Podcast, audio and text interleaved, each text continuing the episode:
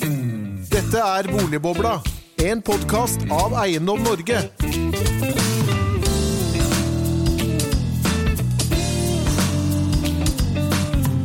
Hei og hjertelig velkommen til Eiendom Norge-konferansen 2021. Vi er direkte inne her fra selve episenteret, idylliske Abildsø. Området der ikke engang vaksinepersonell tør å gå inn. Men eh, vi har to modige ledere for denne konferansen. Grete Meier og Henning Lauritzen. Hjertelig velkommen. Tusen takk. Dere, dere er ikke redde, dere kjører på med konferanse, dere? Ja, Vi er blant de modige, og vi turte til og med å dra hit, så det er kjempebra. Ikke sant? Dere er på en måte som han eh, presidenten i Brasil, Bolsonaro. Det er Ja, ikke helt, men litt grann Bolsonaro også. L litt liten touch. Ja. Men det, det er rare tider. Du, det er veldig rare tider. Så det å få stå opp og ta på seg en ordentlig bukse i dag og ikke tights, bare det var kjempedeilig.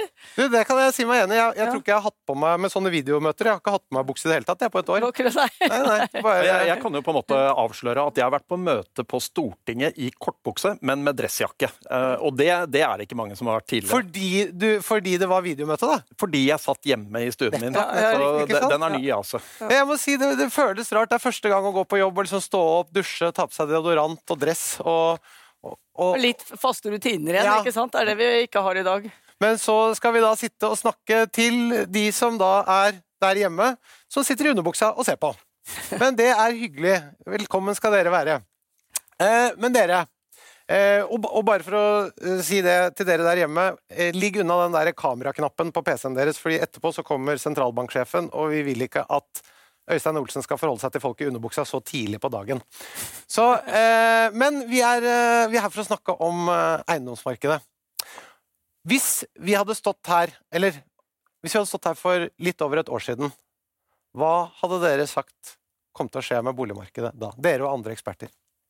Da var i hvert fall vi i vår organisasjon veldig, veldig engstelige, for vi så at den 12., når Erna stengte ned, så stoppet nesten boligmarkedet. Og vi begynte jo selvfølgelig å tenke på arbeidsplasser med en gang, så jeg husker bare at jeg hadde en sånn vanvittig klump i maven som jeg gikk med halvannen måned før det løsna. Og jeg må si også, når jeg begynte etter hvert, etter noen dager, så begynte jeg å skjære tenner. Det er en uvane jeg har når jeg er veldig, veldig engstelig, og det har skjedd bare én gang før. Og min mann sa til slutt at Grete, husk det er bare jobb, tross alt. Men den varte i halvannen måned, så hvis jeg har litt kortere tenner nå, så er det årsaken. Det var tøft, syns jeg. Det så, det så Ja, det var så mørkt, syns jeg. Ja, også, altså, vi skal ikke glemme at uh, omsetningen, antall boliger som ble solgt, var ganske kraftig ned. Og prisene gikk nedover. Og det vi var re veldig redde for, var jo at folk ikke turte å kjøpe bolig lenger. Og da, da kan jo boligmarkedet stoppe helt opp. Og så så vi jo at i England der stengte de i praksis boligmarkedet i to måneder. Så, så, så vi var kjempebekymret en periode. Og det er jo mange som har gått og ventet på at det boligmarkedet skal stoppe, og at det også skal falle voldsomt. Og da tenkte vel alle at nå, nå skjer det. Vi, har- vi har et sånn lite kobbel makroøkonomer som spår markedet ned alltid. Og denne gangen da var de tøffere enn det de pleier å være. Nettopp. Men så ble alt helt annerledes. Nå står vi her da et år etter, og eh, det som kanskje har vært de store vinnerne, eh, hvis man kan snakke om det, i det året som har gått, det er da tech, og så er det bolig. Hva, hva var det som eh, skjedde? Jeg tror det er flere, altså Renten er uten tvil det viktigste. Med en så lav rente, så er alle vi som har lån, fikk jo egentlig nesten halvert rentekostnaden vår. Det var den ene. Og så etter hvert så ser vi at vi har jo ikke noe å bruke penger på. Vi sitter jo bare hjemme egentlig i tightsen vår eller ikke noen ting.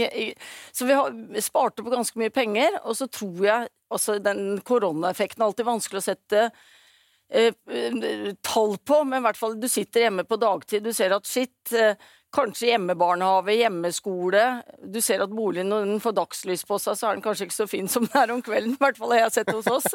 Det er noe med at oi, jeg trenger å gjøre noe, og så har man anledning til det.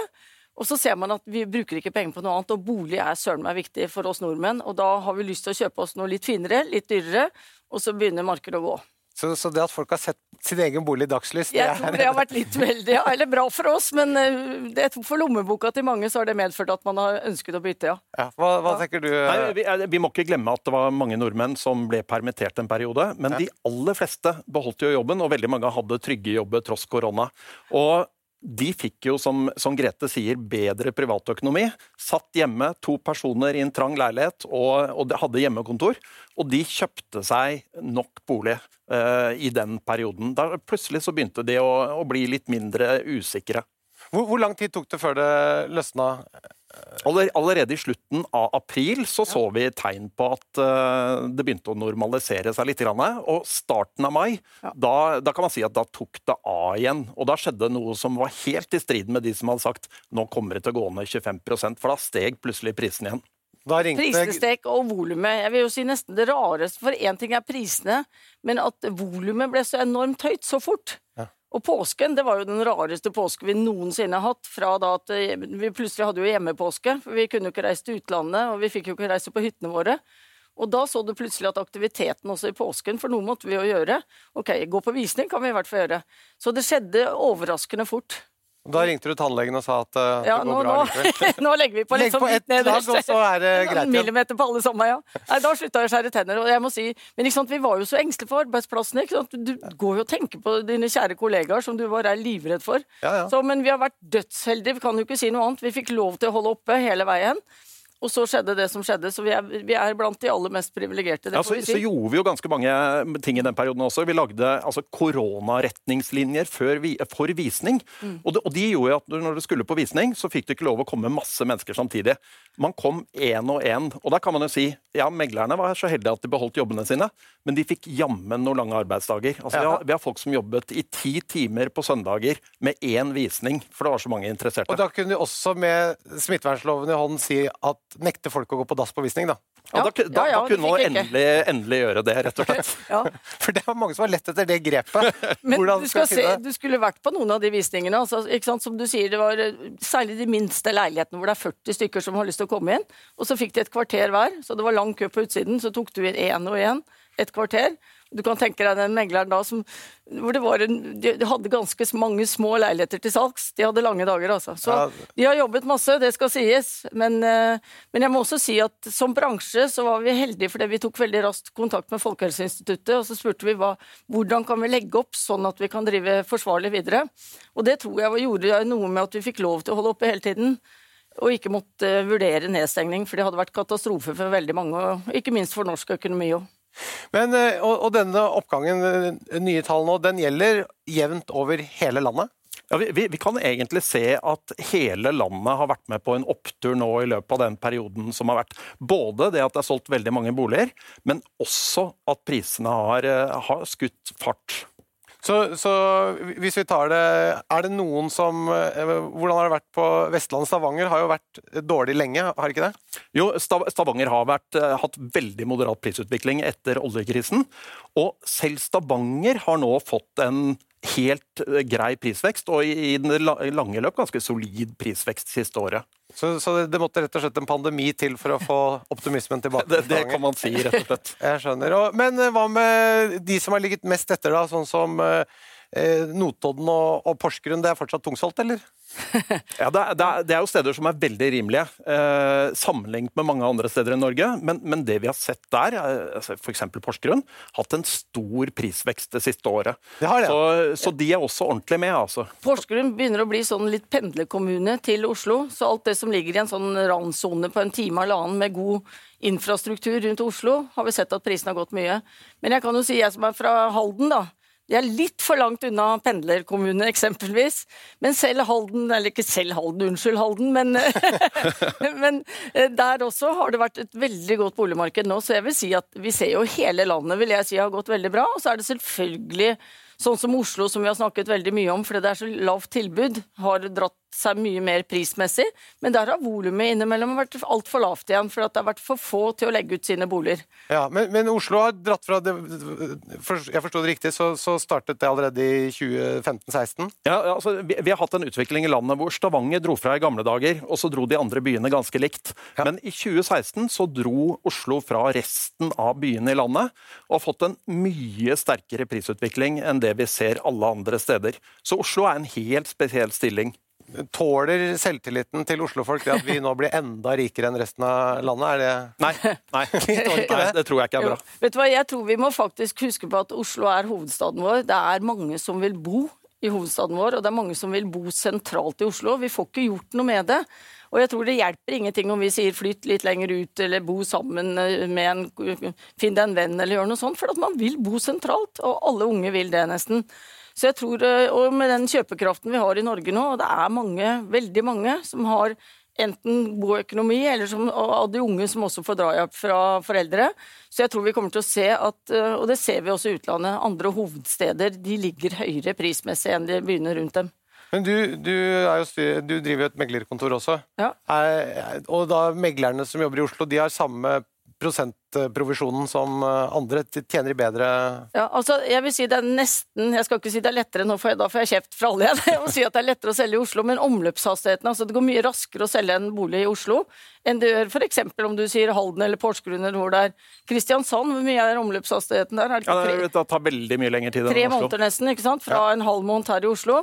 Så da, da, må du kanskje ha 17 visninger før du får solgt boligen. da. Så Sånn sett så burde man egentlig hatt bedre betalt utenfor Oslo enn i Oslo, er min påstand. Ja, Nå kommer jeg til å få kjeft. Men, ja, men de får, Så disse gutta i Oslo med, med, med boblevest og Range de, de, de kommer til å ha det godt fortsatt? Jeg tror eh, Eiendomsmeglere tror jeg kommer til å ha det bra fremover, for jeg har veldig tro på at det kommer til å bli en høy omsetning av boliger fremover. Og det tror jeg faktisk at koronaen har vekket oss litt med å se viktigheten av å ha sin egen bolig. Ja. Hjemmet vårt er dødsviktig, altså. Vi nordmenn har jo alltid vært veldig opptatt av det. Men jeg tror eh, denne pandemien har vekket det ytterligere. Og vi ser jo fritidsmarkedet, det er jo hinsides sunn fornuft. Altså, ja, ja, så, men da tenker jeg da, da, da, får du bare si til de gutta at uh, det de kan investere i nå, det er, det er bukser som går helt ned til skoene når de nå tjener enda mer penger. Du skjønner at det som jeg som da får lov til å lede disse meglerne, jeg sier at bare kjøp dere nye klokker og nye biler og det, for da må de selge mer, skjønner du. Så det er den jeg, filosofien jeg har. Jeg tenker, for jeg tenker det, De kommer så bare ankler hele gjengen, så tenkte jeg det må være for deg som arbeidsgiver, det å ha halve arbeidsstokken ute med bare ankler på vinteren, det må jo være jævla mye sykemeldinger og sånn? Det er provisjonslønn. Oh, ja, så det er ikke noe problem? Nei, nei. Jeg skjønner. Men dere, hva, hva, hva tror dere, eh, hvis vi skal prøve å se litt fremover på boligmarkedet? Nei, En av de tingene vi tror, det er faktisk, og det er ganske merkelig, at pandemien har gjort hjemmet viktigere på, på, litt mer sånn langvarig basis. Og det gjør nok at vi tror nordmenn kommer til å flytte litt oftere etter pandemien enn det de gjorde før pandemien. Altså at vi får et litt sånn varig skift i markedet. Og så tror vi jo kanskje at boligprisveksten den eh, begynner å dempe seg nå fremover. Eh, vi har fått veldig effekt av renten. Nå tror vi nok at vi kommer til å se en ganske moderat boligprisvekst lenge fremover. Men, men, sånn som i Oslo så er det jo ikke bare renten, men også etterspørselen som driver, etter hva jeg forstår. Eh, ja, Oslo er i en særstilling nettopp fordi det er bygd altfor lite i forhold til befolkningsveksten. og Det gjør at Oslo får en prisvekst som er sterkere enn resten av landet. og Den kommer til å fortsette inntil Oslo klarer å bygge nok. Ja, og Da er vi jo på byggekostnader. og Hva skjer med dem når vi ikke har de i landet som pleier å bygge de husene for oss, hva skjer da? ja, Da stiger de, men, men heldigvis For hvis, hvis, nordmenn skal begynne å snekre, da blir det dyrt? Ja, Da blir det fryktelig dyrt, og de kan det ikke heller. Eh, noen kan det jo selvfølgelig, men, men, vi er helt avhengig av utenlandsk arbeidskraft. Så, så, det må vi sørge for å få fremover også, ellers så går det gærent. Ja, For vi har vent oss til å ha det litt godt her i landet. Ikke rydde og vaske etter oss og ikke bygge husene våre. Det er hvis du har barn som vokser opp med au pair, prøv å få de til å gjøre noe. Det, det, er ikke så lett. Ja, Vi er veldig heldige. Det er mange som gjør viktige jobber for, som kommer fra andre land. Ok, da uh, skal vi i gang med uh, dagens første foredrag. Det gleder jeg meg veldig til. Uh, det er ved Edvard Glazer. Han er professor i økonomi ved Harvard, og han er her med foredraget The Housing Market and COVID-19. Hello, I'm Ed Glazer. And I'm sorry that I'm not with you in person, but I'm excited to be part of, of your conference. I'm going to be talking about the future of cities post COVID and the future of real estate markets. But let me start with what I would have said in 2019. I might have started with a graph like this that captures the great housing convulsion that racked both America and the world between 2000 and 2012. Along the horizontal axis, you see the growth in prices between 2001 and 2006. Along the vertical axis, you see the decline in prices between 2006 and 2011. I want you to take four things away from this graph. First, the heterogeneity.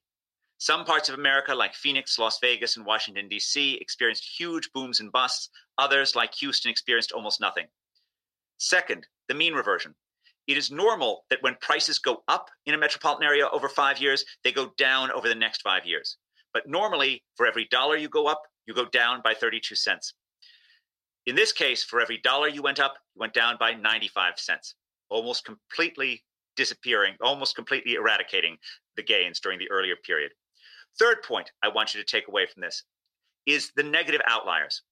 The cities that you can see that are below the line, like Detroit, the one place that managed to miss uh, the boom and still experience the bust, Phoenix and Las Vegas, cities built on sand, which should never have had housing booms because, of course, it is so easy to build there that you know, there's no reason for prices to ever rise dramatically over housing costs. Um, and yet, for three short years, prices did, and then they came crushing back to market. Then there are the positive outliers New York and Washington, D.C., dense, coastal, attractive, high human capital cities. These are places that have shown a remarkable ability to float over the, the urban landscape, to survive despite deindustrialization, despite the rise of the internet age. And these are the places that are, are seen in Europe as well. And these are the places that really are about the future of the city. Um, this is another way of showing that. This is 1996 to 2012. This shows the growth in prices across America's metropolitan areas. And as you can see, almost all of the price growth is in the most dense fifth of America's metropolitan areas. Um, those places where people are crammed in together have had a remarkable resurgence over the past 30 years, at least until COVID struck. Within metropolitan areas as well, we've seen a tilt towards the city center, and that's what you're seeing now. Along the horizontal axis is the distance from the city center. And as you can see, the fastest price growth is right there uh, near the, the core of the urban area. And of course, we have seen this in city after city, at least before 2020. Now, behind those that housing price growth uh, lurks economic fundamentals. Tremendous productivity and the fact that cities are places of pleasure as well as places of work. Um, this is data from the, the EU, from the European Union. These represent 1,114 of the NUTS three regions, and I've ordered them on the basis of their density levels because cities at, the, at their heart are the absence of physical space between people and firms. Cities are density, proximity, closeness. What you can see from the blue line is that output per capita, GDP per capita, is about double in the densest parts of Europe than it is in the least dense parts of Europe. The red line shows the relationship between population growth and initial density levels. So far from fleeing our crowded cities, people are, are rushing in. People are moving into areas where there already is an absence of space, which pushes up more demand for uh, urban real estate. Now, anything that's been happening in the wealthy world in cities is dwarfed by the urban transformation of the poor world. And the cities of the developing world are often seen as being somewhat hellish. And indeed, to many of us who are used to the pleasures of, of Oslo or the pleasures of Boston, right, these, these cities do seem uh, very difficult. And yet, to their own residents, they can be places of great joy. Um, and here you see the gap between urban and rural happiness in different countries. If the point is above zero, it means that the people who are living in cities are happier than the people who are living in farms. If it's below zero, then it means that the people in rural areas are happier. So you can see in the wealthy world, the happiness gaps are small. You can see, of course, Norway, which counts as the richest country in my entire sample, uh, has basically uh, no difference between urban and rural happiness. The Swedes, however, are happier in cities, as are the Finns. Uh, and as you can see, also the New Zealanders and the Italians are happier in rural areas. But go to the poorest parts of the world. Above all, India, uh, but also South Africa, Rwanda, uh, and all the places at the bottom, Mali, uh, are ones in which the rural dwellers are just much happier than the urbanites.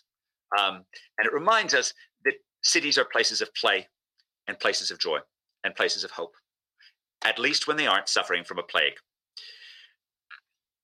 There are many demons that come with density high housing costs, congestion, traffic congestion, uh, crime, and the worst of all those demons is contagious disease. Um, this has been an old companion to urban density. This image is often used to connote the plague of Athens. It's not actually, it's by the French painter Nicolas Poussin, and it's meant to capture a biblical plague. But the plague of Athens is one of the seminal events in European history. Athens, before the plague, of course, had illustrated to the world all that cities could, could do. Right? It had shown us how cities can enable those collaborative chains of creativity that have been powering humanity's greatest hits since Socrates and Plato bickered on an Athenian street corner. Athens gave us history itself in the form of uh, Herodotus and Thucydides, who was there to witness the plague. Uh, they gave us great dramatists. They gave us democracy, uh, which was led, of course, by the figure of Pericles. The backdrop for the plague was the war that Pericles was leading the Athenians in against their Spartan rivals. Pericles' great strategy was to summon the Athenians and their allies inside the walls of the city state.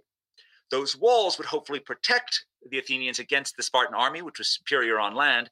And at the same time, the Athenians could send their navy out to harass the coast of the Peloponnesian Peninsula.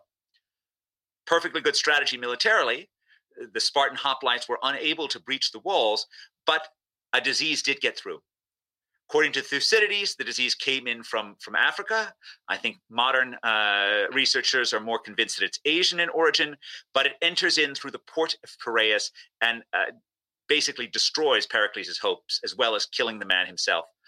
Within two years, perhaps one fourth of the city died. And in some sense, Athens never recovered to its past glory. It soldiered on for more than two more decades against Sparta, but it would eventually lose that war. And essentially, the glory of what had been Europe's most shining polis uh, was dimmed forever. An even more catastrophic plague occurred when Yersinia pestis, the Black Death, hit Constantinople almost a thousand years later during the reign of the Emperor Justinian. Justinian had been poised to reimpose the Pax Romana on the Mediterranean world, to bring an urban peace once more to the Mediterranean, which had been overrun by, by invaders. But just as he was doing so, the plague hit Constantinople, setting us off for uh, essentially eight centuries of warfare and rural poverty. This is what urban pandemic can do. Now, we have forgotten really how common contagious disease can be in cities. This shows the path of death rates in New York City over the past 200 years. And as you can see from this, we have in some sense lived during a blessed century since the great influenza epidemic of 1918 1919. Throughout most of the 19th century, plague was ubiquitous. In the early parts of the century in the US, you had yellow fever, which came in through the Caribbean, probably originally African in origin. And then after 1830, you had cholera outbreaks. Cholera emerges from the Ganges Delta uh, about 1817. Uh, over and over again, these plagues strike cities, and it takes an enormous amount of investment for cities to become livable. The cities and towns of the US were spending as much on clean water at the start of the 20th century as our national government was spending on everything except for the post office and the army but it had enormous impacts. And all of a sudden, our cities became much more livable. In fact, you know, a boy born in 1900 in New York could expect to live seven years less than a boy born in a farm in America. For most of the past 10 years, uh, life expectancy has been almost three years longer in New York than it is elsewhere in the US. Um, now, all that changed when the pandemic struck. And this shows a map of daily new deaths uh, in at the end of April in 2020. And as you can see, they're really clustered around New York. In some sense, cities are vulnerable for two reasons to pandemic. The first of which is they are the nodes on our global travel and transport network. It was always thus, right? It was through the port of Piraeus that Athens got sick. It was through the port of Marseille that southern France got sick from the Black Death. Um, over and over again these airports and and uh, allow for the travelers to enter with the disease, and that's exactly what happened in 2020. So New York gets the disease quickly, that ferries it down to New Orleans, another node on this network, and you see a really urbanized uh, pandemic in the initial years.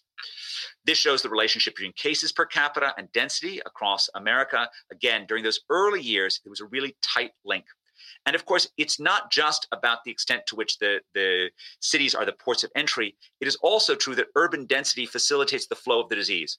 Since you know, viruses hop from person to person, proximity makes things more dangerous. This shows death rates, however, by November.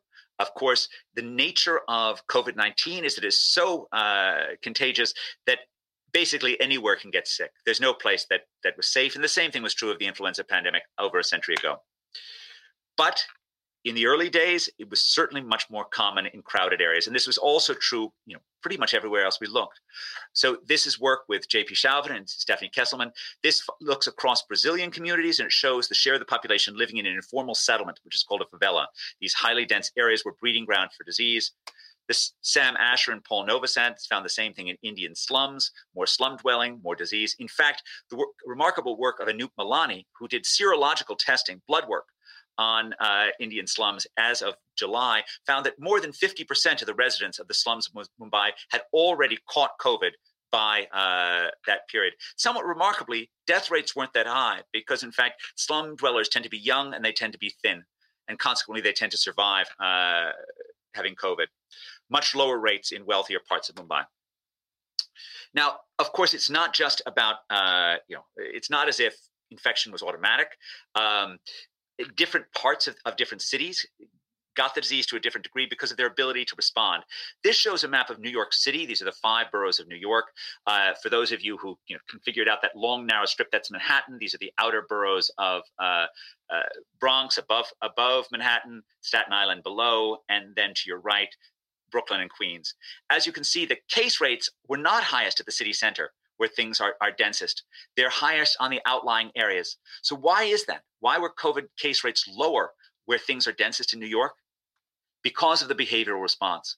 Here you're seeing cell phone data from SafeGraph, and you show the it shows the remarkable decline in trips in the densest parts of New York. The declines were able to occur partially because those New Yorkers are wealthier, they're better educated, and they were more able to switch to telecommuting. Whereas the workers in the outer boroughs were more likely to be in essential industries, they were more likely to need to work to live, they had to travel, and consequently they got sick and many more of them died. Our estimates are that a 10% reduction in trips in April was associated with a 20% reduction in cases. Now, this event was not just a health catastrophe, it is also an economic catastrophe. And, and uh, uh, last week's jobs numbers in the US suggest that, at least for the US, the economic pain is not over. In some sense, we've evolved as an economy to make us maximally vulnerable to a pandemic. Farmers, subsistence farmers, may die from a pandemic, but if they survive, they're typically better off economically because there's more land left to go around. And in fact, the, the Black Death, which killed off perhaps one third of Europeans in the 14th century, left those workers who survived with higher wages because the landowners were competing for labor and desperate to get them. If you move forward to the industrial era, it is certainly true that factories spread the disease, and, and you know the initial wave of the disease was quite painful for factory workers and for mine workers, and, and they had shut down often these factories and mines. But there wasn't a fundamental fear about the product. No one was afraid that buying a car would give you pandemic. And so the sales from these industries continued, uh, even though the pandemic was going on and quickly recovered when it was over. And uh, the work we have by Francois Veld of the Federal Reserve Bank of Chicago shows that, in fact, this recession was short, associated with 1918, 1919, quick, and not all that deep. Flash forward to today, the factories have disappeared. And we have now an urban service economy where people without an ability to you know, program computers find employment by offering service with a smile right? Those jobs can vanish in a heartbeat when those smiles become a source of fear rather than a source of pleasure. This shows the evolutionary evolution of work uh, in the United States. The light blue line that starts on top and ends below, ends at the bottom, it represents the decline of manufacturing workers now a tiny fraction of the American labor force. The middle two lines show leisure, hospitality, and retail trade. That was one fifth of America's employment pre pandemic, 32 million American workers. This is the urban service economy that is most vulnerable to the pandemic. Either the jobs remain and the workers are at risk, uh, or in fact, the jobs just disappeared. The top two lines are somewhat luckier. You have education and health services, by and large backstopped by the government. Many of those workers were at risk of getting the, the disease, but at least their jobs weren't going to go away. And then, of course, the luckiest segment professional and business services. Those jobs are the ones in which people consume and, can still work uh, despite uh, uh, the existence of the pandemic. This shows some work of, of from myself and my co-authors looking at closure rates across American businesses in April. It just shows you the extent of the damage. In our sample, 45% of small businesses had closed in, in April, um, and a lot of heterogeneity. So banking services were really okay. Only 19% of them had closed. Art and, arts and entertainment, 70% of them had closed. Huge heterogeneity there. And remarkably, people expected uh, for their them to be closed for another uh, nine months. In fact, many of them have been have been closed. It's important to note that in many cases the economic pain was not determined by government rules. One excellent piece of research comparing Sweden and Denmark, Sweden, which had basically no hard lockdowns, and Denmark, which had very stringent ones, found that during the early period of the pandemic, uh, Sweden's GDP was down 25% and Denmark was down 29%. So the bulk of the decline occurs because of fear, not because of government lockdowns. Now, looking forward for cities, in some sense, the most important question is will the boost in remote working become permanent? This shows the decline, again, looking at SafeGraph data, in people going to work. Sharp decline, only a slight comeback. Um, and that is the big question. Of course, that's not a new question. 40 years ago, Alvin Toffler wrote in The Third Wave that he envisioned a world of, of new technologies in which we would all decamp to our electronic cottages and just dial it in that you know there would be no more offices in the future, and this would have enormous changes uh, for the world. For 40 years, however, he's been wrong. Um, it's not obvious, wasn't obvious that he was wrong at the time, uh, because it's never obvious if we're in a centrifugal age or a centripetal age. A centrifugal age means that technologies are coming together to push us away from cities, to push us away from each other. And much of the middle 20th century in the US was indeed centrifugal, above all because of the automobile a child of the city, created through urban genius in, in first German cities that came up with the industrial combustion engine, and then Detroit, which came up with the moving uh, the move, moving assembly line. Um, but despite being a child of the cities, the cars were very, very tough on urban areas. They led to a massive both suburbanization and deurbanization of employment. Radios and televisions also enabled far flung farmers to enjoy the pleasures of the city living at home. This was, in fact, the backdrop for the enormous amount of urban pain that we had in you know, most of the Western cities uh, during the 1970s, where it seemed as if history itself had left the city behind. Um, formerly gigantic urban industries like New York's garment sector, which had been the largest industrial cluster in the United States in the 1950s, substantially larger than cars in Detroit, had been clobbered in the 1960s and 70s by globalization. And so it really seemed that Toffler might have been right that these new forms of information technology, and remember, this was the, these were the new, new things of the 1980s, uh, the fax machine and the personal computer, that they were going to make face to face contact in the cities that enable that contact utterly unnecessary. But why didn't they kill finance and urban information industries? Well, for 40 years, what happened is that in a more globalized and, and knowledge intensive world, um, the returns to being smart had just gotten larger. And we are a social species that gets smart by being around other smart people. One of the images here is of the Wallace office at Mayor Bloomberg's City Hall in New York, which was based on the Wallace office and his company, which was based on the Solomon Brothers trading floor. And eh, these these Wallace offices or the trading floors, right, where where financiers come together, epitomize the value of how you know face-to-face proximity enables knowledge intensive industries to thrive. Because you really know exactly what's going on around you when you just hear the buzz when you're in the midst of it. That's partially why you know google which of all the companies in the world prior to 2020 should have had the technology for sending people home right did exactly the opposite they bought the Googleplex. They bought a million and a half square feet in downtown downtown Manhattan. They believed they wanted their workers constantly next to each other, trying to have them in the office as much as possible because that's that's how they thought that creativity works. And it's notable that even during this downturn, tech is doubling down on its purchases of prime urban real estate. Um, one part of what's going on is as the world becomes more complicated, uh, the the you have more capacity for ideas to get lost in translation. Anyone who's ever taught knows the hard part about teaching is not knowing your subject material. It's knowing whether or not anything you're saying is getting through to your audience. We have acquired these cues for communicating comprehension or confusion that are lost when we're not in the same room with one another. That's why face to face contact is so valuable. And that's why I'm so sad that I'm not with you in the same room right now. Now, all of a sudden, however, uh, it looked like Toffler might be right. The plague hit, and we all started zooming our way to uh, to, to existence. Now, some of the early studies have been quite positive.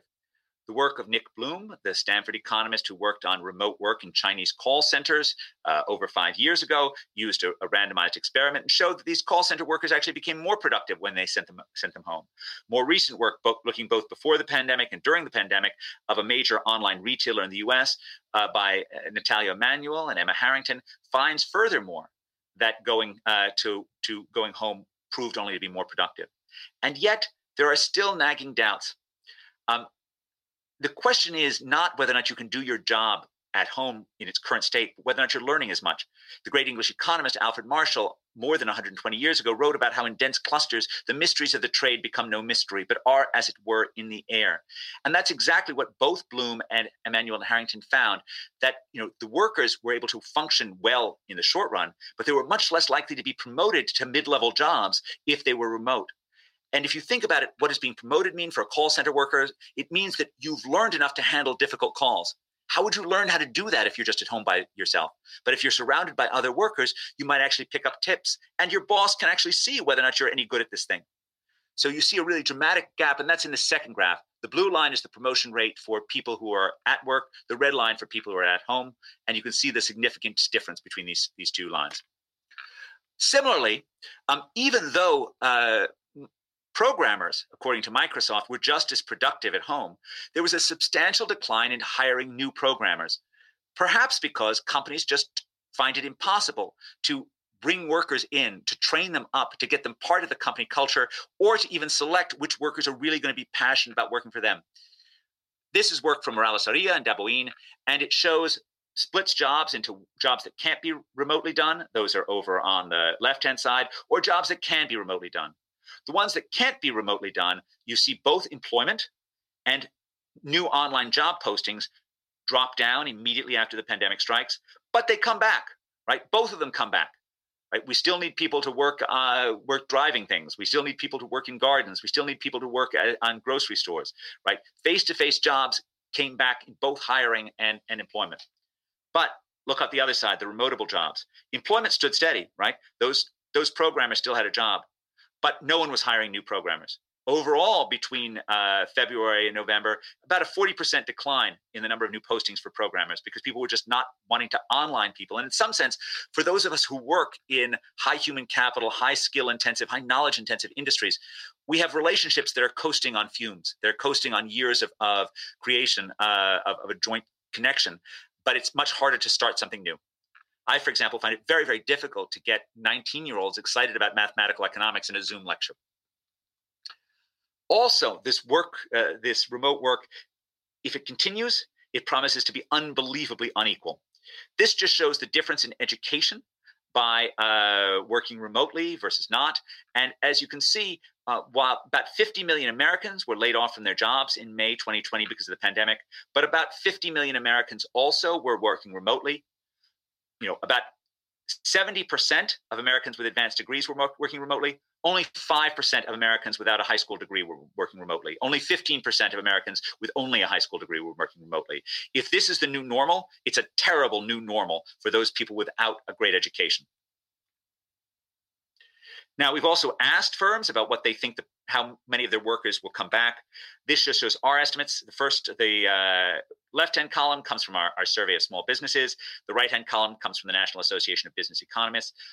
They estimate that about 40% of uh, their workers who've gone remote will come back uh, remote. So 40% or more firms say that 40% or more workers who have gone remote will stay remote. So that's a significant shift to remote work. But of course, that doesn't necessarily mean that new jobs won't fill those spaces. And I think that's really a crucial thing when you think going forward. And I'll return to that in a second. Now, what does what do we think going forward? First of all, um, everything depends on the duration of the pandemic risk. If the vaccines don't work, if new variants arrive that bedevil them, if a new pandemic arrives in the next five years, then you know uh, uh, our, our urban areas are in for a great deal of trouble. Um, I think so are our urban service industries. I mean, it's an economic catastrophe in a sense, and we're we're never going to get back on track, which really suggests that our governments need to do whatever it takes to make sure this doesn't repeat itself. But if it does end quickly, right, there will still be short-term sh- shifts. There will still be shocks to urban life. In rich cities, this will mean that prices will drop, especially for uh, commercial real estate. Okay, so demand for offices will decline. Commercial space will be more re- vulnerable than residential, in part because everything that we've seen suggests that people, particularly young people, are desperate to connect again face to face. So even if some offices will go remote, people will be dying to go back in and actually just play in the city with other young people. Consequently, cities will reallocate from the old to the young, from commercial to residential, and some significant work will move either to homes or to lower density locales. Um, cities, particularly in the US, also face political challenges, unhappiness with the level of upward mobility, with the level of inequality that they will be facing going forward. Okay, what about large scale vacancies downtown? I've already said that I believe that commercial prices will drop because of an increased demand for, for working at home. I believe that will continue. If you're talking about a high end market, places where prices are substantially higher than replacement costs, so the places at the top of this list, okay, these places are not going to see long term vacancies. What will happen is the prices will fall and the offices will be filled again, even though they may be filled by scrappier businesses. Some Class C uh, commercial real estate may convert to residential. But in these areas, the, the margin of error between current price and operating cost is too large. Down here, these are places at the bottom end of the US market. So if you're looking at places where the gap between commercial prices and uh, commercial rents and operating costs are small, these places may very well convert to being empty. And that will create large negative local sp- spillovers for the local areas. Um, this just shows the incredible importance of housing supply for determining prices. And in some sense, the places that are expensive, which are over there on uh, the right hand side, out on the left hand side, don't build a lot, and the places that uh, build a lot aren't expensive. Um, so far, in uh, and th- those housing supply is really crucial for understanding housing prices both in the US and throughout the world. So far, of course, this shows US prices. We've had a boom associated with COVID rather than a bust, which has been somewhat remarkable. And of course, you've seen the same thing uh, in Norway. And and of course, I used uh, uh, Norway real estate's own data to show to show you this. But it's been a, boom time rather than a bust. Now, I think there are five forces that will shape real estate prices going forward. First of all, right, this is an economic dislocation right? There's no way this isn't going to have some negative effect, some negative downward effect on demand. It may not show up in lower prices, but it's it's a headwind, unquestionably. If we see interest rates going up, especially given sort of the amazing amount of deficit financing that the Biden administration is eager to do, that will also push prices up as well. Okay, uh, sorry, push prices down as well. So higher interest rates will push prices down. So will this economic dislocation. So both of them will be negative forces on uh, on demand going forward. However, we have countervailing forces. So while the relocation from office to home will reduce demand for commercial space, it will increase demand for residential space. People need larger homes to accommodate um, uh, they're working they're working at home, especially if they've got kids and need to be away from the crying. So that's a, a third that's a second force that w- moves in the opposite direction. Third force I think more generally, and this here I'm showing you the relationship between just the amount of mobility and the amount of illness from New York that I mentioned earlier.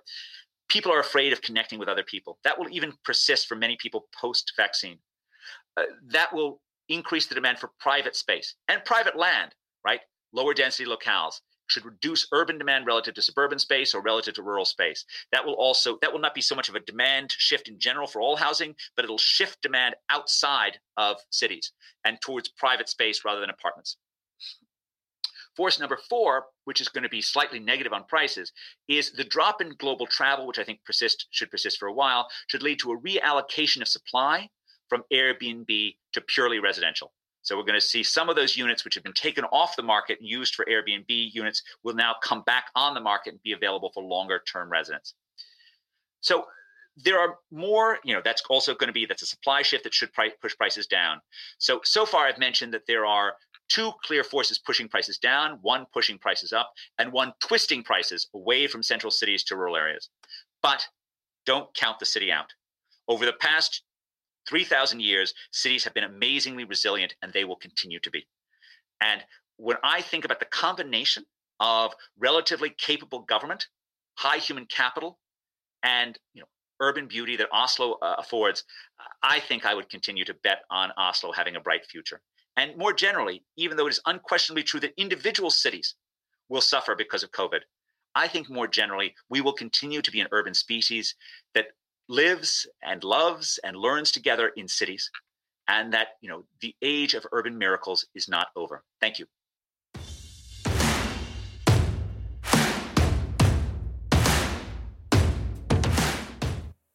Da står jeg her med Erik Lundesgaard i Eiendom Norge. Dette var, uh, dette var interessant. Dette var interessant. Det var jo positiv optimisme her på slutten, da. Ja, men det, var fantastisk å høre på noen som snakker uh, med så mye data, og så gode data. Ja, nei, det, er, det er jo mye mange som mener mangt om boligmarkedet. Uh, så det er jo viktig å få på en måte disse dataene og få få de som, de, som kan dette, til å, til å, avklare hva som blir. Samtidig så har jo synserne og de som også mener noe, sånn som, sånn som oss om boligmarkedet, det har jo en betydning. For vi, vi lager også hypotesene, vi bidrar til debatten. Eh, også for empirikerne og forskerne da, komme med konklusjonene og de årsakssammenhengene til slutt. En, en, liten ting som jeg merket meg litt sånn på siden av akkurat selve boligmarkedet, det var jo greit for regjeringen også å få med seg at uh, hvordan det gikk med Aten da de kløna med å stenge bygrensene. De kom aldri tilbake. det var 50 som, som strøk med. Så, så det, det, det, er greit. Eh, men du, eh, du, har, du har fulgt eh, han en stund? Ja, altså, Nå skulle jo denne konferansen egentlig bli arrangert i fjor, 26. mars. Så i likhet med alt annet som, som skjedde etter 12. mars, så ble jo denne, denne avlyst. Du skulle jo se, også da vært konferansier. Nå får vi arrangert det digitalt. Men det som nå kom frem, da, da vi, Henning og jeg, hadde, hadde møte med, eller samtale med med Edvard Glazer eh, rett før denne konferansen og i påsken, eh, var jo det at han kom jo med en oppfølger til bestselgerboken 'Triumph of the City', som kom for, i 2011 denne høsten. Så dette som vi nå har hørt, det kommer jo da i en bok som heter 'Surviving the City', som kommer ut i september. Så dette var jo et større skup enn det vi hadde egentlig sett for oss. Det, det, er, det, kan være greit å sette seg ned For det var ganske sånn tettpakka med informasjon. Det er tettpakket, så jeg tror vi må se dette igjen. Det blir liggende ute. så det blir mulig. Ja. Enten det, eller kjøpe den boken. Eller kjøpe boken når den kommer i september, ja. Du, Erik, du har tatt med deg et eh, panel, så du skal fortsette. Ja, For å dra til de norske forholdene, så skal vi få et uh, fantastisk panel her. Og da kan jeg ønske velkommen til eh, Hedda Ulvnes, administrerende direktør i Eie Eiendomsmegling og styremedlem i Eiendom Norge. Henning Lauritzen, velkommen tilbake eh, til panelet. Eiendom Norge-direktør. Eh, Hedda Kari Due Andresen, sjefsøkonom i eh, Handelsbanken. Velkommen til deg. Og selvfølgelig hva skal vi si, Edvard Glazers norske disippel. Eh, Erling Rød Larsen, leder av det norske boligmarkedsforskningssenteret. Eh, Henning, jeg tror vi skal begynne med deg. Eh, du la frem noen boligpriser nå for bare kort tid siden, forrige uke, for, for mars fortsatt sterk prisvekt, men et skift i Oslo. Hva, hva, kan du gi oss en liten eh, oppdatering av hvordan siste måned eh, Ja, det, det, kan jeg gjøre. Vi hadde en prisvekst på, eh, på 1,2% i mars for hele Norge. Sesongkorrigert prisene også opp nesten like mye. Og så er det verdt å være oppmerksom på tolvmånedersveksten, for den var på hele 12,5% for Norge. Og da må vi ikke glemme at uh, da måler vi jo fra mars i fjor, og da gikk prisene en god del ned. Så den, pris, den tolvmånedersveksten den kommer vi nok ikke til å eh, se på det nivået eh, noe særlig lenge fremover. Og så var det som, som, kanskje var litt spesielt, at det var ett eneste sted i hele Norge som gikk ned, og det var Oslo. Eh, over en prosent ned i Oslo, 0,8% sesongjustert. Og det kan jo ha mange forklaringer. E, en av dem kan jo kanskje være at Oslo har hatt en voldsom prisvekst, bl.a. i februar. Mange hete budrunder mange kuppinger. Mange som kanskje kan ha betalt uh, litt i overkant for boligene sine.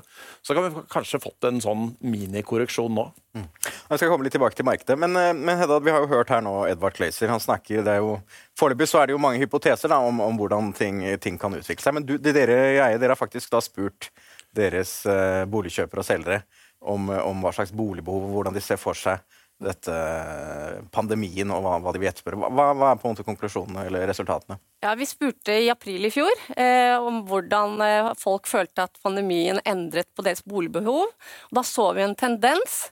Eh, og så spurte vi i år, eh, elleve måneder etterpå, om hvorvidt eh, de følte at eh, endringer var fortsatt til stede. Og da, det var en sterk endring i at folk opplevde at de endret sitt boligbehov. Og det som var endringen, var at det var større grad av ønske om å flytte på seg, og større grad av ønske om mer plass.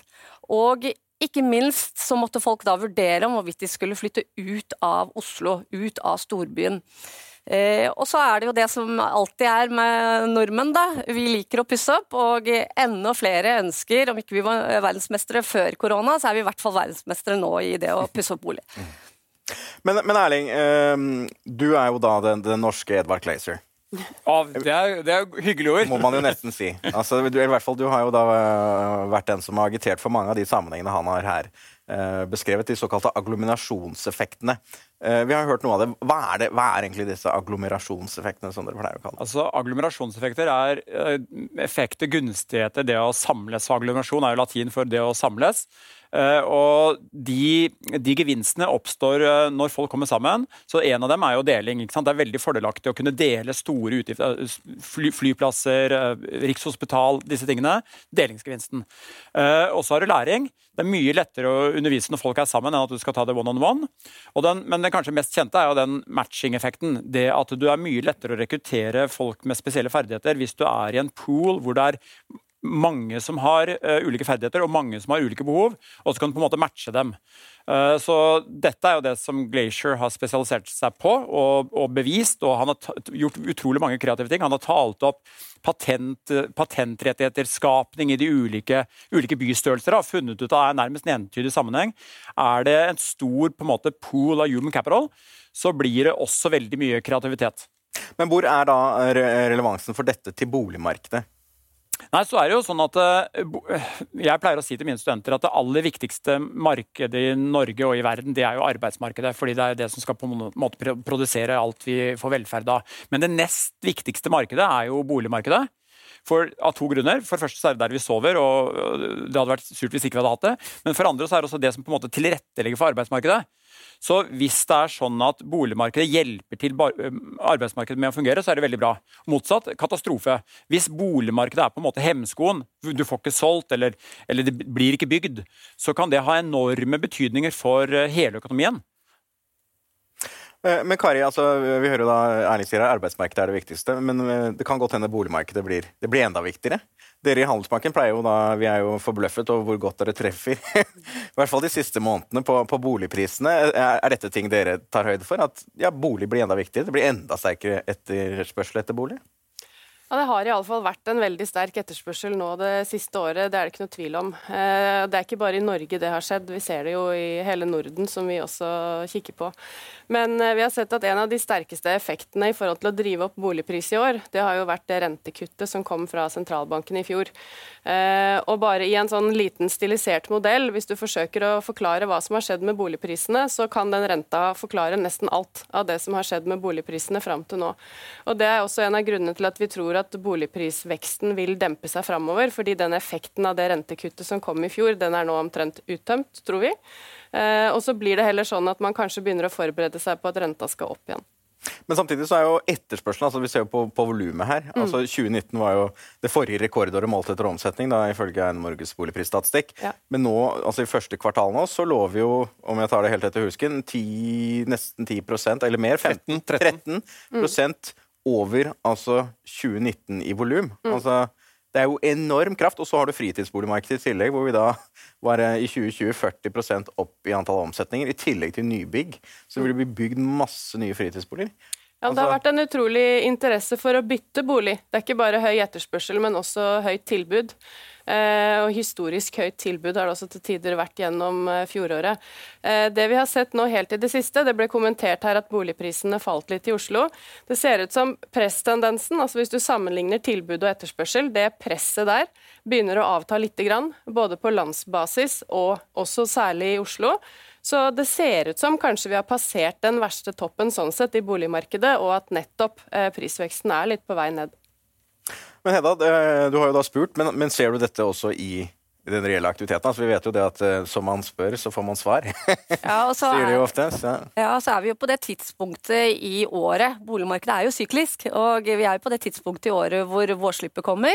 Og det skal eh, komme mer ut på markedet. Det ser vi i våre egne tall. Det er stor, eh, stor oppdragsinngang akkurat nå, og det gjør jo til at bolig, altså det boligpresset som Kari snakker om, det avtar noe utover året. Det håper vi på. Mm. Men det, er, men det er mer flyttinger, altså? Ja, det er det. Og det ser også vi i den eh, ønsket om mobilitet. Ønsket om å bytte bolig er høyere nå enn eh, det var før pandemien. Jeg tror det har akselerert det. Men, eh, men Erling, vi hørte jo her, altså næringseiendom er utsatt, sier han. Dette kan jo også være positivt for boligtilbudet. Det har jo her i Oslo særlig, da, har det jo vært, vært lav nybygging over flere år. Dette kan jo bidra til å løse opp i den kanskje floken vi her har sett. med konvertering av næringseiendom. Si, la oss håpe, men det er kanskje litt frekt å si det på den måten. Men det har jo vært sånn at vi i Housing Lab har jo sett uh, tilbudsunderskuddet, eller ikke bare altså, Mangel på byggeklare tomter, mangel på, på plass, mangel på vilje til å på en måte fristille masse plass, har vi jo vært litt frustrert over. Uh, og, og, Det blir spennende å se om det kan løse noe av floken. Min hypotese er at det kanskje ikke er nok. Men på en måte X-faktoren her blir jo å se om det er en eller annen form for relokalisering av folk. da. Jeg har jo mine gjetninger, det skal jeg kanskje ikke betone så mye. Du må gjerne komme med de. Ja, altså, ok, Siden du utfordrer meg. altså, Jeg ser vel for meg en bounceback. Uh, og eh, som du sa, Jeg er jo disippel av Glacier og ser alle verdiene av agglomerasjon. Så, uh, og cities, er, som han sa, cities have proven to be resilient over 3000 år. Så det skal jo noe til for å på en måte rykke i de, alle de gode effektene av å bo i en by. Men det er klart at er, digital, digital, kommunikasjon er en game changer, og vi har fått øynene opp for det. Det er mulig. Jeg har jo nå samarbeidet mer med amerikanere enn jeg har gjort ever. Eh, vi kan, vi kan hooke opp på Zoom, og har gjort det. Og jeg vil jo gjette på at jeg kanskje tar hvert fall én reise mindre til USA per år. da. Så klimatisk altså gunstig. Men eh, spøk til, fra, fra, spøk til alvor. altså Vil reduksjonen i etterspørselen etter næringseiendom Ja, jeg tror det. Det vil være en effekt. Om det er nok, tiden vil vise. Mm. Eh, Kari, hva kommer ut av på en måte i arbeidsmarkedet blir det hjemmekontor en varig løsning. Vi hørte jo her fra, fra Glazer at det er, jo, det er, jo, svært ulikt hvordan dette rammer. Eh, noen næringer er jo dette bare positivt, egentlig. Ja, og så er det veldig avhengig av eh, næring om du kan ha hjemmekontor eller ikke. Jeg tror eh, for sånne folk som meg, eh, vi kommer nok til å sitte noe mer på hjemmekontor, men jeg, jeg ser ikke for meg mer enn kanskje én dag i uka. Jeg kjenner selv at jeg lengter etter å komme tilbake til kontoret, og det, det tror jeg det er mange andre som gjør. Og hvis det er sånn at alle er på kontoret og du er den eneste som er hjemme, så er det ikke så morsomt heller. Nå har alle vært hjemme. Så jeg håper og tror at det vi vil se framover nå, det er en vridning i den retningen som Erling snakker om, altså mer hjemmekontor, men ikke en totalt ny hverdag. Mm. Henning? Nei, jeg syns Glazer hadde et veldig godt poeng her. At på kort sikt så, så råket dette kanskje ikke produktiviteten. Men hodene kom ikke sammen lenger, og det kan jo råke kreativiteten og, og utviklingen. Det er den ene tingen. Og, og det andre han jo også pekte på, som jeg syns var veldig interessant, det var jo at Eh, skal du oppover i hierarkiet, så er det ikke noe bra å sitte på hjemmekontor. Da blir du på i din posisjon. Sånn at det er jo mange sterke krefter som driver mot arbeidsplassen. Og jeg tror nok som, som Kari at vi kommer til å se en kombinasjon med mer hjemmekontor enn før korona. Men eh, mange som vil tilbake til kontoret fordi det har en del fordeler å være sammen. Erling? Ja, uh, Glacier og mange av oss vi har jo sett på en studie som kom i Quarterly Journal Economics i 2015 av en som heter Bloom, uh, som nå tror jeg er professor ved Stanford. Han, uh, det var et eksperiment i Kina hvor de hadde hatt et stort callsenter som jobbet hjemmefra. Jeg tror det var snakk om 15 000 arbeidere. Så er det interessant å sånn registrere seg at de, øk, de så en økning i produktiviteten på kort sikt. Uh, interesting. Men som Bloom også selv sier, dette var en callsenter på en måte veldig kjente, kjente, ferdigheter de skulle på en måte bare utøve. Uh, og, uh, og, ikke kreativ virksomhet. Det andre var at veldig mange ville tilbake til kontoret etter at det hadde gått en tid. De lengtet tilbake, selv om det var lang reiseavstand. Uh, og Da er vi over på en annen liksom, interessant studie fra en professor som heter Dunbar, tror han er ved McGill i Canada, som hadde altså gått ned for å prøve å finne ut hva er som skaper kreativitet. ikke sant? Og så hadde han eh, studert og filmet en haug med biologiske forskere for å på en måte avdekke hvor er de får aha-opplevelse, når er de oppdager på en måte bakterien eller virus eller, eller hva. Og så fikk de jo sjokk da de analyserte resultatene, for det viste seg at ideene oppsto ikke når de holdt på over mikroskopet. Ideen oppstår på konferansebordet. Mm tiden mellom. Når folk, ja, når folk sitter og snakker og diskuterer. Og så er spørsmålet kan du gjenskape det digitalt. Jeg tror det i noen grad. Men det er, det er vanskelig på en måte også å ha det, det menneskelige cues, akkurat som Glacier snakket om. Det er, på en måte, det er en grunn til at vi står her nå. Så du klarer ikke helt å få gjenskapt det digitalt. Du klarer å gjenskape noe. Hedda, du er jo en stor arbeidsgiver. Hva, hva er erfaringene med gjennom Ja. pandemien på, på, som arbeidsgiver og med hjemmekontor? og Ja, Kreativiteten, produktiviteten? Ja, jeg, jeg tror på det som vi fikk fremlagt her i, i forrige presentasjon, at eh, på kort sikt kan det fungere greit, og det er litt avhengig av hva slags type arbeidsoppgaver du har. Men på lang sikt så er det viktig å ha utvikling, og, og kunne klare å utvikle seg og lære nye ting. Det får man bedre til når man sitter sammen. Det er det ingen tvil om. Så, og virksomheter trenger kontinuerlig utvikling, og da må man være sammen fysisk for å få det til. X-faktoren her sa jo Gliser, hva, hva er varigheten til pandemien? Altså Nå har vi, nå har vi stått her, eller stått her, vi har sittet hjemme eh, nesten ett år, eh, over ett år, drøyt ett år. Dette kan jo vare i årevis. Dette kan jo ikke gå over. Eller hva? Ser du på meg nå? Jeg ser på deg. Jeg håper du tar feil der. Eh, Jeg håper og tror at vi er ferdig med det verste i år. Eh, Hvis, eh, den store nyheten var jo det at disse vaksinene som de klarte å forske fram, var så effektive. Vanlige influensavaksiner er kanskje noe sånn som 50-60% effektive, mens disse vaksinene her var liksom over 90% Og Det betyr at vi mest sannsynlig kan gå tilbake til en eh, situasjon som er eh, så godt som normal eh, i løpet av året i år, eller iallfall til neste år. Så jeg velger å ikke tenke på de eh, fæle alternativene. Eh, Henning, er det bare jeg som tenker på de fæle alternativene? Nei, Det er nok ikke bare du som tenker på de fæle alternativene. Man kan nok se for seg en situasjon hvor vi får spor av korona i samfunnet også fremover. Altså ikke helt tilbake til situasjonen på forhånd. Men, men det er én ting jeg har lyst til å legge til som jeg syns er litt interessant. Og, og når vi snakker om byer og pandemier, så syns jeg også det er interessant å se på strukturene i de norske byene. Altså, Oslo er den eneste storbyen i Norge hvor mer enn halvparten av boligene er leiligheter. Eh, altså, I stor grad så bor jo folk i forsteder også i de store byene. Vi har ikke disse enorme bysentrene med, med veldig tett bebyggelse osv. Så, videre. så Så vi er jo på en måte litt koronatilpasset før korona kom. Norge er en stor forstad, eh, Erling, så vi håndterer selv en langvarig pandemi. Ja, det er, og det er veldig spennende å øh, følge med. Og jeg er jo egentlig på en måte, jeg er født optimist, men jeg er trent til å være litt pessimistisk i mitt yrke. ikke sant? Vi er jo betalt for å være bekymret.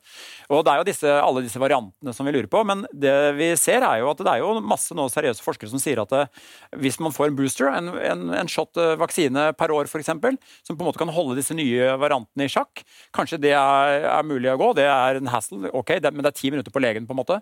Så det, ja, det må vel være nå grunn til å være betinget optimist, er det ikke det? Jeg mener det. Men, men jeg var i Hongkong i 1999, og da, eh, til min store forskrekkelse så gikk jo folk rundt med munnbind.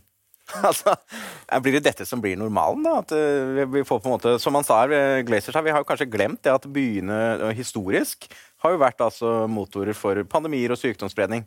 Jeg husker da jeg selv vokste opp, Min bestemor fortalte alltid om slektninger som døde i spanskesyken. Jeg skjønte jo ikke bæret av hva det var for noe. Men altså, det, er dette ny, ny virkelighet altså, som vi må, må gjenoppta?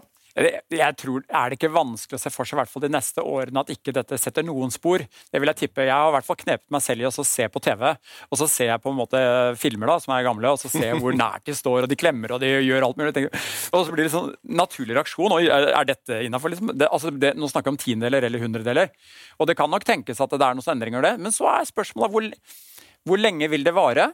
Eh, kommer vi tilbake til på en måte klemme og hugging? Jeg, jeg, jeg skal ikke spå om det, men jeg, jeg ville, tippe, jeg ville synes at det var veldig rart om ikke det får en del effekter i de neste årene, for folk har jo vært skremte. Men det var jo det også Glazer sa her. altså de, Du kan jo også dokumentere med data at, at frykten kom jo før tiltakene. Atferden ble jo endret før, eh, før de, de, hva skal du si, loven Ja, Vi har jo egentlig egen forskning eh, takket være data fra Eiendom Norge. Vi er jo i den posisjonen nesten perfekt i verden i forhold til at vi har jo eh, dato for, over, eh, al- altså for den juridiske overføringen. Da. Dato for aksept av høyeste bud. Og Det betyr at vi, vi kunne følge dag for dag for dag. Ikke bare salg og volum, men også priser. Og ikke bare det, vi har jo data fra DNB og Krogsvenn hvor vi kan se på bud. Altså om aggressive bud, motsatt. eh, Kall det frykt, fryktsomme aksepter. Og vi ser at det er utvetydig at folk tok inn over seg denne frykten før 12. mars. Det var atferdsendringer å spore. i boligmarkedet, i måten de bød på, måten akseptene blir fått, før 12. mars. Og så kommer en ytterligere effekt 12. mars. Men så endrer det seg tilbake igjen. da. Og Dette er eh, muliggjort ja, ved å følge på en måte dag for dag for dag. Så det ligger til vurdering nå Scandinavian Journal Economics, veldig spennende selvfølgelig for oss uh, i faget vårt. Men uh, veldig gøyalt, da. Men atferden er allerede varig endret. Kommer det raskt tilbake? Eller? Noe må jo være varig hva tenker du, Kari? Jeg tenker at uh, vi tar med oss de nye positive tingene vi har lært. Hvis, hvis folk har oppdaget uh, nye ting som uh, er bedre i denne situasjonen, så tror jeg man tar med seg det. F.eks. det at uh, man kan kanskje sitte en dag i uka på hjemmekontor, da, og så kan du produsere noe, og så kan du faktisk bli mer effektiv av det. Jeg tror hjemmekontor kan ha mye godt for seg uh, i uh, situasjonen med små barn, f.eks. Det gjør hverdagen litt enklere. Så eh, vi har tenkt litt på det at nettopp det at dette ikke er så veldig varig, og man kanskje ønsker å gå tilbake igjen til en normal, men at man tar med seg noen nye vaner Eh, kanskje ikke så mye klemming hvis det har vært kleint på kontoret. Det kan jo kanskje være greit å slippe, da. ja, nei, men jeg tror man tar med seg noe av det man har opplevd som positivt, i den grad man kan, men så tror jeg man lengter etter det gamle livet. Men én ting er jo hjemmekontor, det andre er jo atferden altså på konsum. Eh, ja. Vil vi på en måte tilbake til jeg tror det. Vi har jo sett en voldsom vridning over mot varer, men det har jo vært en tvunget vridning, ikke sant? fordi tjenestesektoren har vært stengt. Så folk har sittet hjemme og bestilt alt mulig rart på nettet isteden. Eh, det er jo matvarer eh, og drikke som har gått mest opp, hvis man ser på varekonsumet. Eh, så det er vel da et substitutt for å gå ut på restaurant, f.eks. Så jeg tror at den tjenesteandelen kommer til å komme susende tilbake med en gang tjenestetilbudet åpner. Og kanskje varekonsumet demper seg litt fordi det har vært rett og slett litt ekstremt den siste tida. Så jeg tror at Kanskje man eh, reiser litt mindre i business, kanskje man sitter litt mer på hjemmekontor, men jeg tror sånn i bunn og grunn fritidsreiser tror jeg kommer til å ta av når man eh, kan det. Altså det, det meste som vi setter pris på med det vanlige livet vårt, tror jeg vi vil ha tilbake. Og så tar vi kanskje med oss noen gode ting som vi har funnet. Eh, Hedda, blir det, blir det, kortreist eller blir det langreist? Ja, Jeg er enig med det som Kari sier i forhold til det å kunne uh, vurdere Tidligere så flyttet vi jo uh, når vi skulle studere, og når vi, skulle, når vi giftet oss, fikk barn og skilte oss. Men nå har vi også muligheten til å vurdere et boligbytte i forbindelse med at jeg kan ta med meg jobben. Jeg trenger ikke å bytte jobb, men jeg kan ta med meg jobben, og så kan jeg flytte ut i randsonen. Og så kan jeg fortsatt ha den bra jobben inne i sentrum av Oslo. Og så få med meg den, eh, de positive fordelene av det å være på jobb i storbyen, men samtidig også få eh, større plass. For det har vi jo vi sett at de trenger. Vi ønsker større plass, men fordi at eh, boligprisene er såpass høye i Oslo, så kan du ikke kjøpe den boligen i Oslo. Så derfor må de eh, se seg om etter det utenfor, eh, utenfor, storbyen og kjernen. Men så kan de da fortsatt få beholde jobben sin, men flytte da litt lenger ut. Og Det tror jeg kan være en positiv ting eh, med det at vi har blitt mer digitale og kan jobbe hjemmefra. Men når det gjelder boligprisen, Henning, det er, det er jo fortsatt altså, eh, billig mange steder i relativt nær avstand til de store byene? Ja, det er jo billig eh, relativt mange steder i, i, nær avstand til de store byene. Og jeg vil jo på mange måter si at uh, hvis vi ser bort fra Oslo-regionen, så er det, og kanskje delvis Tromsø, så er det ikke så fryktelig dyrt i de andre storbyene i Norge heller. Altså Det er uh, relativt overkommelig prisnivå for de fleste. Men, eh, men, det er jo helt åpenbart at man får mer for pengene hvis man takler litt lengre reisevei. Og, og, det er klart For noen som, eh, som får større fleksibilitet i arbeidssituasjonen, så, så, vil jo det kanskje senke terskelen for, eh, for å ta et kvarters ekstra reisevei. Erling, du har jo vært opptatt av pendling. og ikke minst avstanden til Nationaltheatret i, i boligpriser, eller til sentrum. da. Ja, vi hadde jo ironisk nok, får jeg nesten si, vi hadde jo vår store publikasjon premiere 4.-5. mars uh, i fjor. Uh, Norwegian Housing Market Watch som kom ut, og da var jo på en måte druknet jo i på en måte mediestyret rundt alt som skjedde i verden, selvfølgelig. Men da var det en analyse som dessverre har fått lite oppmerksomhet, men som burde ha fått mye mer, og det var Øystein, Øystein Børsum som hadde beregnet det som vi kaller sentralitetsgradienten. Altså du bare plotter på en måte på X-aksen avstand til Nationaltheatret. Og så på y-aksen boligprisene. Og så gjør du det for hvert år. Og så ser vi at den, sant, den helte, den har alltid en helning, eh, men så endret helningsgraden seg. Det ble dyrere, relativt dyrere å bo nær sentrum lenge. ikke sant? Veldig viktig funn. Eh, så er jo selvfølgelig nå spørsmålet er det sånn at den tendensen der er i ferd med å kanskje endre seg litt. Jeg tror jo egentlig det. Eh, Dette er vår hypotese på Housing Lab, og det er vi i gang med å prøve å undersøke. Kan allerede fortelle at Vi har begynt nå å dele Norge inn etter SSBs sentralitetsindeks, og så sett på en måte på prisene. Og nå- er jo jeg forsker, så jeg tør jo ikke liksom på en måte annonsere noen funn før alt mulig er Dette i april. ut. Men, men det må jo være lov å gi et frampek og si at vi mener å finne indikasjoner på, er det ydmykt nok, eh, at ting begynner å skje fra sommeren av i fjor. Eh, hvor eh, vi finner noen litt, kall det litt pussige funn på steder som er billige, og som kanskje vi trodde var på en måte litt for perifert, men som nå begynner å røre på seg. Det, det er på en måte det forsiktigste jeg kan begynne å antyde. Så kommer jo resultatene når forskningen er ferdig. Det er tre år til, ikke sant? Eh, ja, vi skal få før det, altså. Men, men ja, en reprising av beliggenhet. Amerikanerne kaller dette the race for space. Vi tror nok vi vi ser det i Norge òg. At de fleste vil jo ha et, en litt større enebolig, litt mer plass. Jeg, jeg kan jo fortelle deg at jeg drømmer selvfølgelig om en treningsstudio hjemme. Ikke sant? Jeg gjør jo det. Har ikke plass til Svømmebasseng. det. Ja, jeg bor på Slemdal, har ikke det. Jeg skulle gjerne hatt det. Du er ikke den Eh, eneste, for å si det sånn. Jeg kom frem med undersøkelsen, det. Treningsstudio, det er ønsket. Oi, det er første ja, ja, ja, veldig. Smittefritt. Men, men eh, vi går jo inn mot landing her. Det er ett minutt igjen. Eh, Henning, altså renteeffekten er kanskje tatt ut, mener Kari her. Én måned igjen. Hva, hva, hva, hvordan ser ting fremover? Nei, vi, eh, vi regner med at vi kommer til å se en eh, mye svakere utvikling i boligprisene fremover. Utflating mot sommeren, eh, og kanskje en høst som minner om det vi hadde før korona igjen. Og Vår årsprognose for, for Norge har vært 7,5% Vi ligger faktisk akkurat på den på desimalet i øyeblikket. Det er. Så, så blir det veldig spennende å se hvordan den vil, eh, vil utvikle seg nå fremover. Men jeg tror det er mer moderat. Så, så du kan se for deg liksom et slags sånn forløp à la kjølvannet av 2016. Prisene steg jo da voldsomt, og så fikk vi tre moderate år etter. Eh, Ja, det tror, tror vi er ganske sannsynlig at vi kommer til å se en, en moderat utvikling nå i de nærmeste årene. Og volumet er det som avgjør? eller? Det kan nok bli litt større, fordi eh, det tror jeg kan være et av de varige sporene korona setter, nemlig at boligen har blitt viktigere. Man har blitt mer oppmerksom på boligens kvaliteter. Og det vil føre til at flere vil etterspørre en ny bolig, sånn at vi kan leve med litt større volumer rett og slett ganske lenge. Tror det må bli siste ord. Takk eh, skal dere ha. Veldig bra. Veldig bra bidrag.